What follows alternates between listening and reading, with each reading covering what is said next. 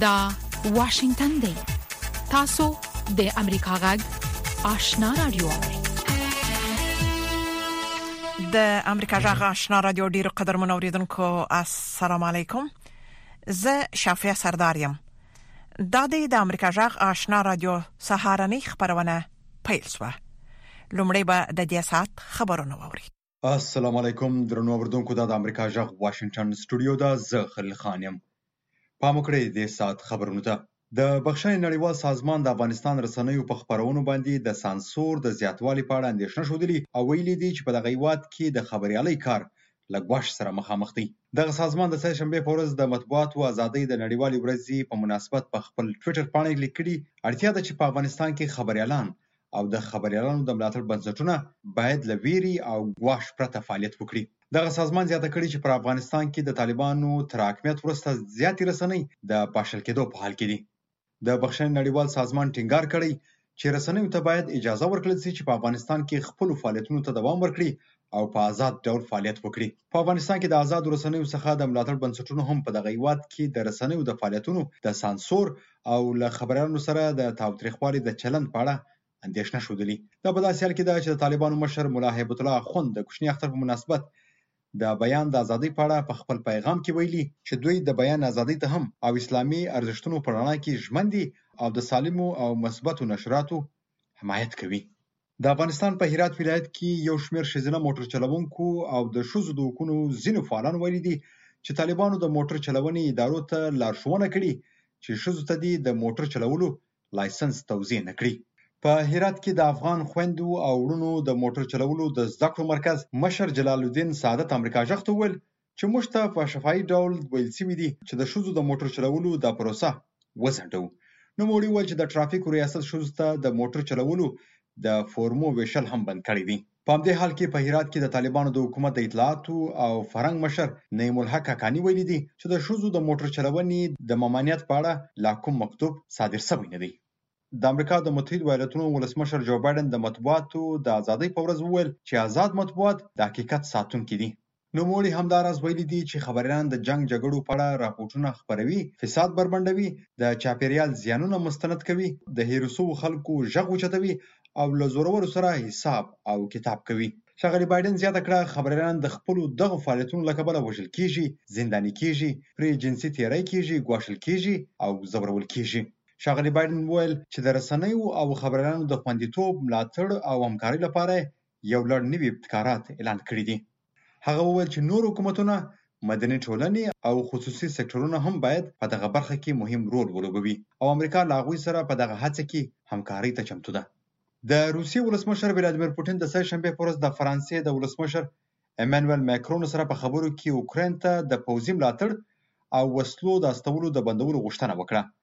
او کیف یې د جګړې د پای ته رسولو په مذاکراتو کې په نه جدیت تورن کړ. پوتین په جنګي جنایاتو باندې د اوکرایني ځواکونو په تورنولو سره مکرون ته وویل، لویدیځ کولی شي د کیف پر مقاماتو باندې په فشار راوړلو او اوکراین ته د وسلو د ورکولو په بندولو سره د دغو دښمنیو په ختمولو کې مرسته وکړي. کرملن د اوکراین سره د لویدیځ په پوځي مرستو انتقاد کړی او ویلي دي چې دا ډول اقدام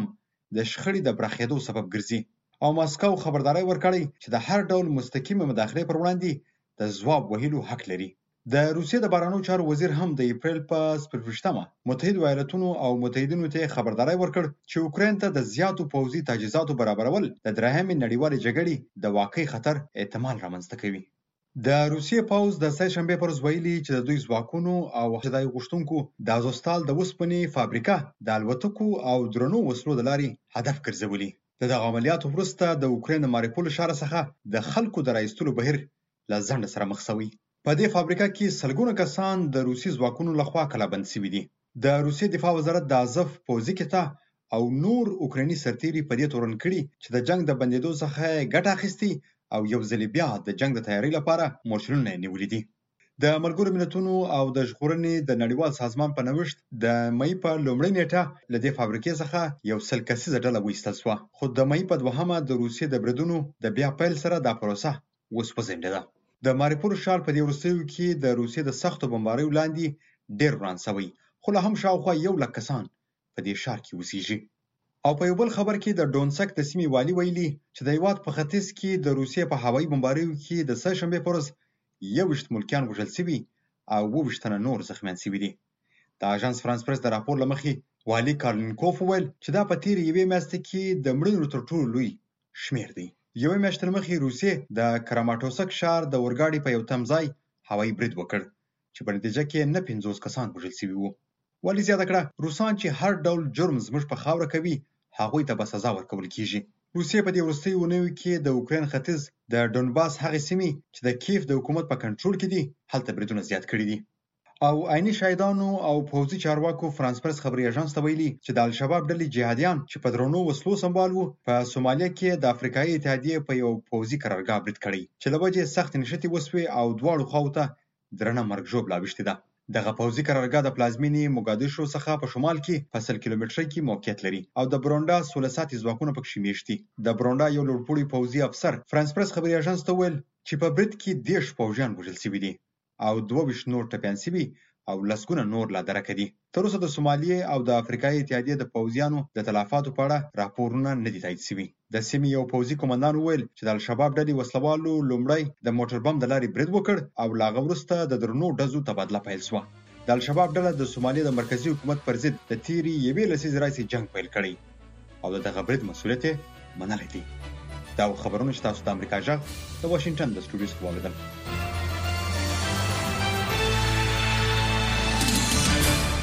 خبرونه مو د امریکا ژغ آشنا رادیو څخه واوریدل قدرمن اوریدونکو زموږ په دې سهارنۍ پښتو خبرونه کې د افغانستان او نړۍ د روانو حالات په اړه کې مهم مطالب او د امریکا جغ سرمقاله لرو هله د خبرونه تر پای ووري لومړی به دا راپورټ ووري چې افغانستان د مطبوعاتو د ازادۍ په نړیواله درجه باندې کې یو سل څلور 50 ځای خپل کړی دی او د تیر کال په پرتله څلور دیش نمرې شاته سوی دی افغان خبريالان او د خبريالانو ملاتړ ادارې وایي په افغانستان کې د خبريالانو په وړاندې محدودیتونه زیات شوي د طالبانو مشر ملا هبت الله اخوند ویلي دي چې طالبان د بیان ازادۍ ته د ملي ګټو او اسلامي ارزښتونو په رڼا کې ژمن دي په دې باره کې نور تفصيل زموږ د خبريال اکرام شینواری په رپورت کې واوري د بې پولي راپور ورکوونکو ټولنې آر ایس ایف د سې شنبې په ورځ د مطبوعاتو د ازادۍ د نړیوالې ورځې په مناسبت د 2022 میلادي کال د مطبوعاتو د ازادۍ نړیواله درجه بندي اعلان کړې چې په کې افغانستان یو سلو څلور پنځوس م ځای خپل کړی او د تیر میلادي کال پرتله څلور دېرش نمرې شاته راغلی دی. افغانستان په تیر دوه زره یوویشت م میلادي کال کې په دغه نړیواله درجه بندۍ کې یو سلو دوه ویشت م ځای خپل کړی و. د مې د میاشتې دریمه په نړۍ کې د رسنیو، خبریالانو او د خبریالانو د ملاتړ ادارو له خوا د مطبوعاتو د ازادۍ د ورځې په توګه لمانځل کیږي. افغانستان کې د کوچني اختر د رخصتیو له امله د دغې ورځې د لمانځلو لپاره کومه رسمي غونډه نه وه جوړه شوې. هاري صیب د دغې درجه بندۍ د خپرولو پر مهال ویلي چې تېر کال د اګست په پنځلس مه افغانستان کې طالبانو واک تر لاسه کړ چې په دغه هېواد کې د رسنیو ازادي د خبریالانو او په ځانګړي ډول ښځینه خبریالانو ته یې جدي عواقب لرل. هاري صیب ویلي چې د دوه زره څلور سوه نوي ښځینه خبریالانو په ګډون لس زره او اووه سوه او اتیا خبریالانو چې د زمري د میاشتې تر لومړۍ وې افغانستان کې په رسنیو کې کار کاوه د جدي په میاشت کې د دغه شمېر یوازې څلور سوه او لس ښځینه خبریالانې او درې زره نهه سوه او پنځوس نارینه خبریالان لا هم په کار بوخت وو. اریسیف ویلي چې د اګست له پنځلسمې وروسته د هرو پنځه ښځینه خبریالانو څلورو یې کارونه له لاسه ورکړي. د دغې ادارې د معلوماتو پر اساس په دغه موده کې د هرو دوه نارینه خبریالانو څخه یو یې خپله دنده له لاسه ورکړې ده. د افغانستان د ازادو خبریالانو د ټولنې اجرایوي رئیس حجت الله جاوید مجددي هم وایي چې د اګست د پنځلسمې وروسته افغانستان کې شپېته فیصدو څخه زیات نارینه خبریالانو او اتیا فیصدو څخه زیات ښځینه خبریالانو خپلې دندې د لاسه ورکړي او له څلوېښت فیصدو زیاتې رسنۍ بندې شوې دي. دې نه علاوه زموږ هغه رسنۍ چې فعاله دي هغه هم ستونزو سره مخامخ دي، یو خو دغه اقتصادي ستونزې دي بل هم د رسنیو اکثریت با تجربه کارکونکو هیواد پرې خودل بل هم د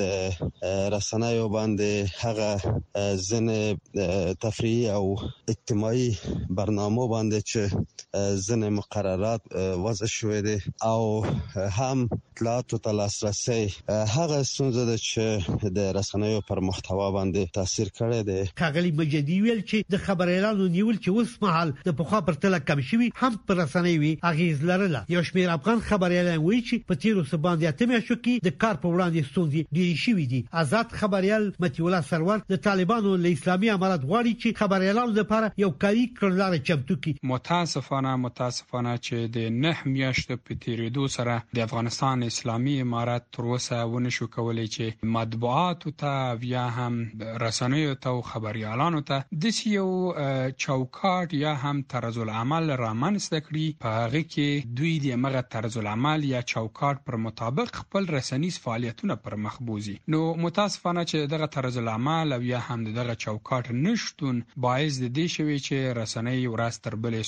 خود سره مخ شي او یا مشکلات او ستونزو سره مخ شي. د افغانستان د رسنیو د ملاتړ د یو شمېر ادارو سربېره د ملګرو ملتونو د افغانستان دوستو ښځینه سفیرانو ټولنې، بښنې نړیوالې ادارې، د یو شمېر لویدیځو هېوادو ځانګړو استازو د اعلامیو په خپرولو سره افغانستان کې د ازادو رسنیو او خبریالانو څخه خپل ملاتړ څرګند کړی دی. د افغانستان دوستو خزینه سفیرانو په یو اعلامیه کې چې یو نامه خبره کړې افغانستان کې د خبريالانو په وړاندې محدودیتونو باندې خواشینی خوندلې او ویلي دي چې دوی په افغانستان کې د خبريالانو په وړاندې د محدودیتونو څخه خبر دي دغه سفیرانو ویلي چې دا مهمه ده چې افغان خبريالان د خپل سر نیولو او ویلې پرته خپل کارونه ترسره کړي شي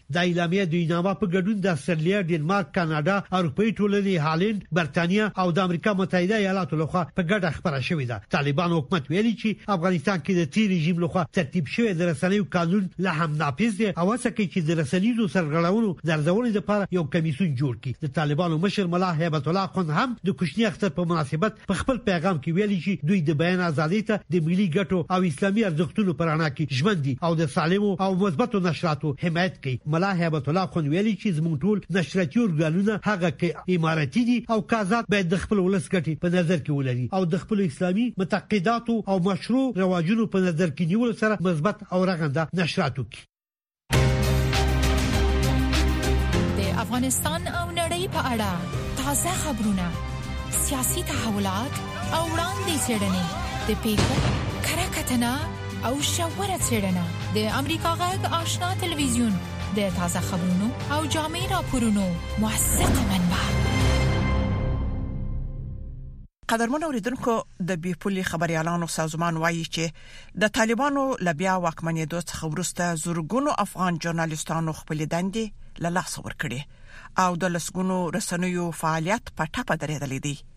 همدارنګه د بخښنې نړیوال سازمان پر رسنیو کې د سانسور د زیاتوالي په اړه اندیشنه شودلې او ویلي چې په افغانستان کې د خبريالي کار له ګواښ سره مخامخ دي. طالبان ټینګار کوي چې دوی د رسنیو د فعالیت مخه نه ده نیولې.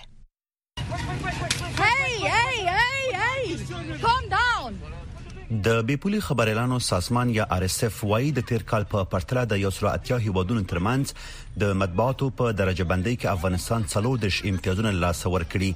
ل یو سل دویشتم ځای څخه یو سل شپږ پنځوسم ځای ته کته شوې ده دا سازمان وایي واک ته طالبانو رسیدل په جدي توګه مطبوعات اغیزمن کړي او د ژورنالیستانو په تیره د خزینه ژورنالیستانو خوندیتوب اغیزمن کړي دي په تیرو دریو میاشتو کې 43% رسنۍ بند شوې دي د 10280 ژورنالیستانو له ډلې اوس یوازې 4360 کسان کار کوي په دوی کې 3950 نارینه او 310 خزینه ژورنالیستان دي په هرو پنځو ژورنالستانو کې څلورو دندې له لاسه ورکړې دي. د مې درېیمه نېټه د مطبوعاتو نړیوال ورځ موږ په داسې حال کې لمانځو چې متاسفانه زموږ څلوېښت سلنه رسنۍ بندې شوې دي چې دې سره زموږ شپېته سلنه نارینه رسنیزکارکوونکي. د بښنې نړیوال سازمان د افغانستان د رسنیو په خپرونو باندې د سانسور د زیاتوالي په اړه اندېښنه ښودلې او ویلي چې په دغه هېواد کې د خبریالۍ کار له ګواښ سره مخامخ دی او ټینګار یې کړی چې رسنیو ته باید د فعالیت اجازه ورکړل شي. د دغه سازمان د معلوماتو په اساس په تیرو اتو میاشتو کې لږ تر لږه شپږ زره څلور سوه خبریالانو او د رسنیو کارکوونکو خپلې دندې له لاسه ورکړي او په دغه موده کې دوه سوه یو دېرش انځوریزې، غږیزې او چاپي رسنۍ بندې شوې دي. یو شمېر ښځینه ژورنالستانې وايي، په کار یې محدودیت لګول شوی دی، آن ځینې وخت له دې کبله چې ښځې دي، ورته اجازه نه ورکول کېږي چې په خبري کنفرانسونو کې ګډون وکړي. حتی یک سخنگوی حکومت حاضر نمیشه که با یک بانوی خبرنگار در مورد تهیه گزارشش و همچنان پاسخ برای پرسش یک بانوی خبرنگار داشته باشه حاضر نمیشه و مستقیم جواب میتونه میگه من مخاطب من بانوی خبرنگار که در افغانستان کار میکنه نیست پس از حاکمیت طالبان حدود 90 درصد در قسمت اول میتونیم بگوییم که بانوهای خبرنگار و زنان که در رسانه کار میکردن کار خود را از دست دادن و کسانی هم که برای فعلا کار میکنن با ترس و دلهوره و نگرانی کار میکنن که حتی پذیرفتن اونا امکان داره که در را جان خود را از دست بدن همداشان یو شمېر ژورنالستان وایي چې د دوی د خوندیتوب په اړه هیڅ تضمین نشته او اړ شوي دي چې له هیواد نه ووځي سمیه ولیزاده هستم عضو برد مرکز خبرنگاران افغانستان فعالیت رسانه ها و آزادی بیان در افغانستان متاسفانه در حال فنا شدن قرار داره چون هیچ تضمین امنیتی برای حفظ امنیت خبرنگاران ما وجود نداره و همچنان بسیاری از رسانه ها به مشکلات اقتصادی مواجه شده د افغانستان لپاره د امریکا د متحده ایالاتو شرط ظافر عیان مکري چې دا مهال له قطر څخه فعالیت کوي د مطبوعاتو د ازادۍ د نړیوالې ورځې په مناسبت په خپل ټویټر پاڼه لیکلي دي د مطبوعاتو د ازادۍ په نړیواله ورځ کې موږ باید د ازادو رسنیو اهمیت او د خبریالانو قربانۍ دواړو ته انعکاس ورکړو موږ د مطبوعاتو د ازادۍ په ساتنه کې او هر چیرې چې تر برید لاندې راځي د دوی قربانۍ ته درناوی او ستاینه کوو. خو طالبان وايي چې په افغانستان کې رسنۍ په ازاد توګه فعالیت کوي او هیڅ خبریال ورسره بندي نه دی. آزادی مطبوعات یا آزادی رسانه ها به این معنی است که آنها در تمام فعالیتهایی که به خیر، نفع و بهبود مردم و کشور باشه آزاد باشند، همچنان در حدود قانون که برایشان تشریح و توضیح شده فعالیت داشته باشند. خو له دې ټولو سره سره طالبانو په افغانستان کې د امریکا غږ اشنا تلویزیون په شمول د یو شمېر بهرنیو رسنیو خپرونې هم بندې کړې دي. انتظار پای ته ورسید. درنو لیدونکو او اوریدونکو تاسو کولی شئ د امریکا غږ تلویزیونی او رادیوي خبرونه د یاسات ساتلایت له طریقه وګورئ او واورئ د نوي ساتلایت لارې تاسو د آشنا اتصال او کاروان تلویزیونی خبرونه کتلای هم شئ د امریکا غږ د افغانستان څنګه خبرونه په 398 چنل او د آشنا رادیوي خبرونه په 398 چنل کې اوریدلای شئ لملتيامو د تل پشان مننه امریکا غږ آشنا رادیو څخه راپورټونو ته دوام ورکوو د امریکا د شار په سیاټل کې یو شرکت د اوکراین د وسلوالو ځواکونو سره د مرستې لپاره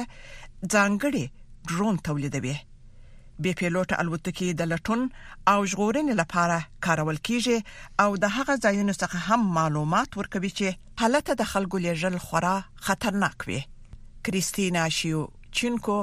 د انارای څخه نور حال راکوي دویش کلن بلیک ریسنیک په سیاټل کې د برینګ شرکت مشر دی هغه د مارچ په میاشت کې پولند ته لاړو او هلته لس بې پیلوټه الوتکې په دې هیله وسپارلې چې دا به د روسیانو د يرغل په شاکولو کې د یوکرين سره مرسته وکړي د یوې بې پیلوټه الوتکې بیه شاوخوا پنځلس زره ډالره جوړېږي. زموږ بې پیلوټه الوتکې اوس په اوکراین کې دي، دوی یو شمېر کارونه کوي، لومړی دا ډرون او ژغورنې کار کوي، په ودانۍ کې الوتنه، د ژوندي پاتې کېدو په لټه کې هڅه کوي او دا معلوموي چې ودانۍ د برید وروسته نوره هم نړېږي. دا د روسیې د ځواکونو د موقعیت معلومولو لپاره هم کارول کېږي. دوی په جي پي ايس پورې اړه نه لري او حتی کولی شي کړکۍ ماته کړي تر څو د ودانۍ ته ننوځي. دا شیشه ماتوي. څنګه چې دا شیشې ته جوخته شي نو شیشه ماته شي او موږ ته اجازه راکړي چې ودانیو ته ننوځو. رېسنیک چې کله اوولس کلن و نو د بې پیلوټه الوتکو ډیزاین یې جوړ کړی و. د هغه لپاره د اوکراین سره مرسته او د بې پیلوټه الوتکو مرسته یوه ساده پریکړه ده. زه فکر کوم چې د اوکراین د خاورې دفاع په اخلاقي توګه سم کار دی او زه فکر کوم چې دا زما په ژوند کې داسې یوه جګړه ده چې ښه او بد یې ښکاره معلوم دي او دا معلومه وه چې دا یوه داسې سیمه ده چیرې چې ټیکنالوژي مرسته کولی شي نو ما ډیر احساس کولو چې هڅه وکړم او دا کار وکړم. برینک پلان لري چې د اوکراین پوځ ته نور ډرونونه ورکړي او په دې اړه ریسنیک لا د مخه اوکراین د دفاع وزارت سره خبرې کوي. دېرش دقیقې د افغانستان او دنیا په هکله د اونۍ په مهمو پیښو او رپوټونو ځغلنده نظر هره جمعه د شپې د یوولسو بجو نه تر یوولس نیمو بجو پورې د امریکا غږ آشنا تلویزیون له تاسې دا خبرونه د امریکا غږ د سټلایټ د لارې په ژوندۍ بڼه لیدلې او اوریدلې هم شئ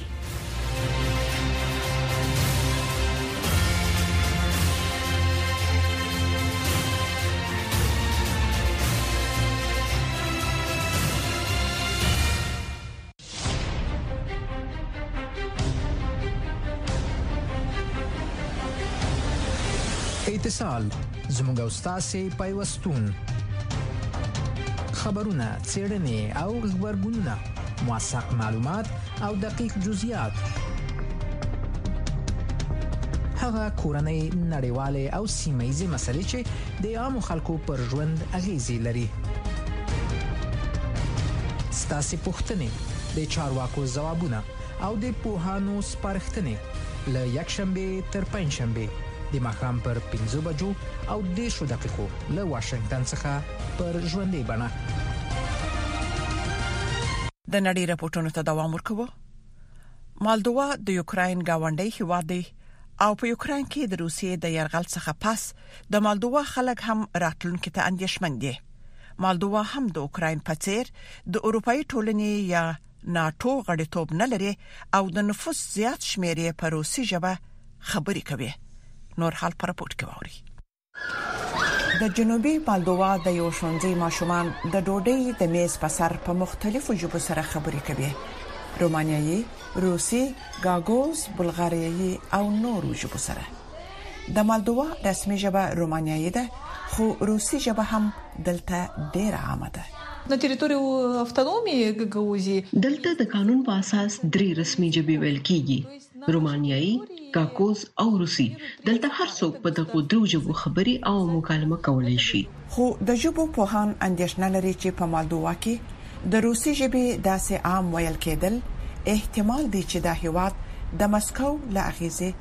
لاندې راولي. په دېرشو کلونو کې مالدوا ونه توانېده چې یو واحد ملي شناخت پیدا کړي. د هېواد نوم یو دی خو قامونه ځان په یو نوم نه یادوي، څوک رومانیايي، څوک بلغاریايي، څوک روسي او څوک یوکراینیان دي. د یوکراین د جنګ خبرونه په مالدوا کې په درې ژبو نشریږي. د مالدوا د تلویزیون خبریاله تاتانیا وايي چې باید د روسي ژبې خپرونې زیاتې شي چې ولس د مسکو له پورپاګنډې وژغورل شي. په دوو ژبو خپرونې کولای شي چې خلک سره یو موټی کړي، نو څومره زیات چې نورو ژبو ته وخت ورکول کېږي، دومره زیات ملي یووالی راپیدا کېږي. مالدووا چې دېرش کاله مخکې د یوکراین له پخواني شوروي اتحاد څخه ازادي موندلې وه، اندېښنه لري چې د یوکراین په سرنوشت اخته نه شي. امریکا یو له هغو هیوادونو څخه چې د نړۍ له ګوټ ګوټ څخه د بیلا بیلو کلتورونو، دودونو، ملیتونو او ارزښتونو کوربه دی. په امریکا کې ژوند او دلته مهاجرت کول لکه د نورو هیوادونو په څیر خپلې ښېګڼې او سختۍ لري. ځینې خلک دلته په خپلو هڅو او له فرصتونو څخه په ګټې اخیستو خپلو هیلو ته رسیږي، خو ځینې نور بیا له ستونزو سره مخ کیږي ژوند په امریکا کې نوې خبرونه ډیر ژر له امریکا غږ آشنا تلویزیون څخه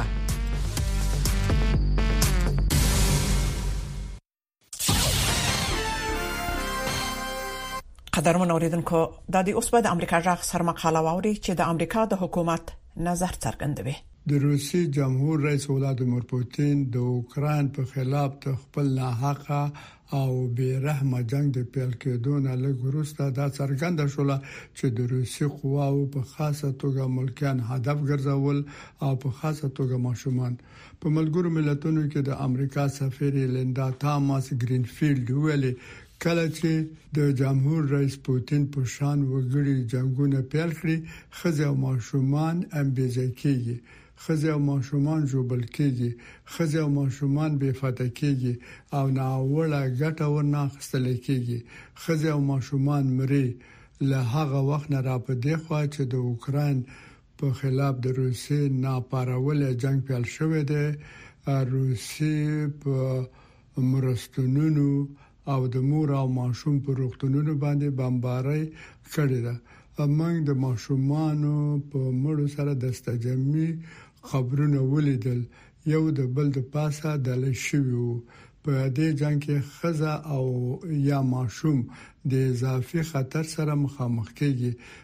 د مې د میاشتې په نیمايي کې د اوکراین د نفوسو تقریبا یوه ربع چې نږدې دوولس میلیونه خلک کېږي، خپل کور او کلی پرېښی دی. د دوی څلور اعشاریه شپږ میلیونه خلکو خپل هېواد پرېښی دی، په داسې حال کې اووه اعشاریه یو میلیون دننه په هېواد کې بې ځای شوي دي،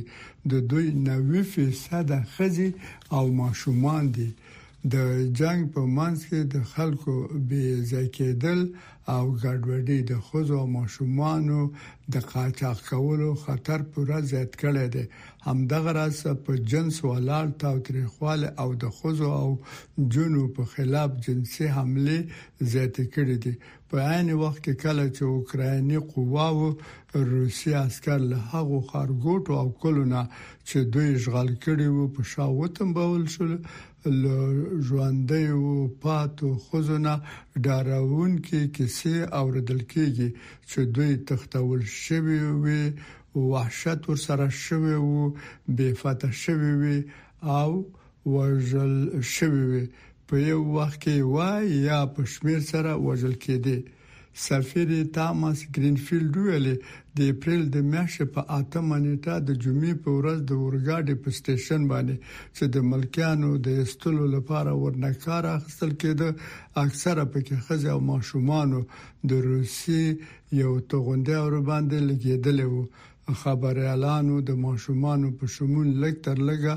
شل مړي ولیدل. د خبریالانو په قول د توغندیو په یوه غټه ټوټه باندې چې د پېښې په ځای کې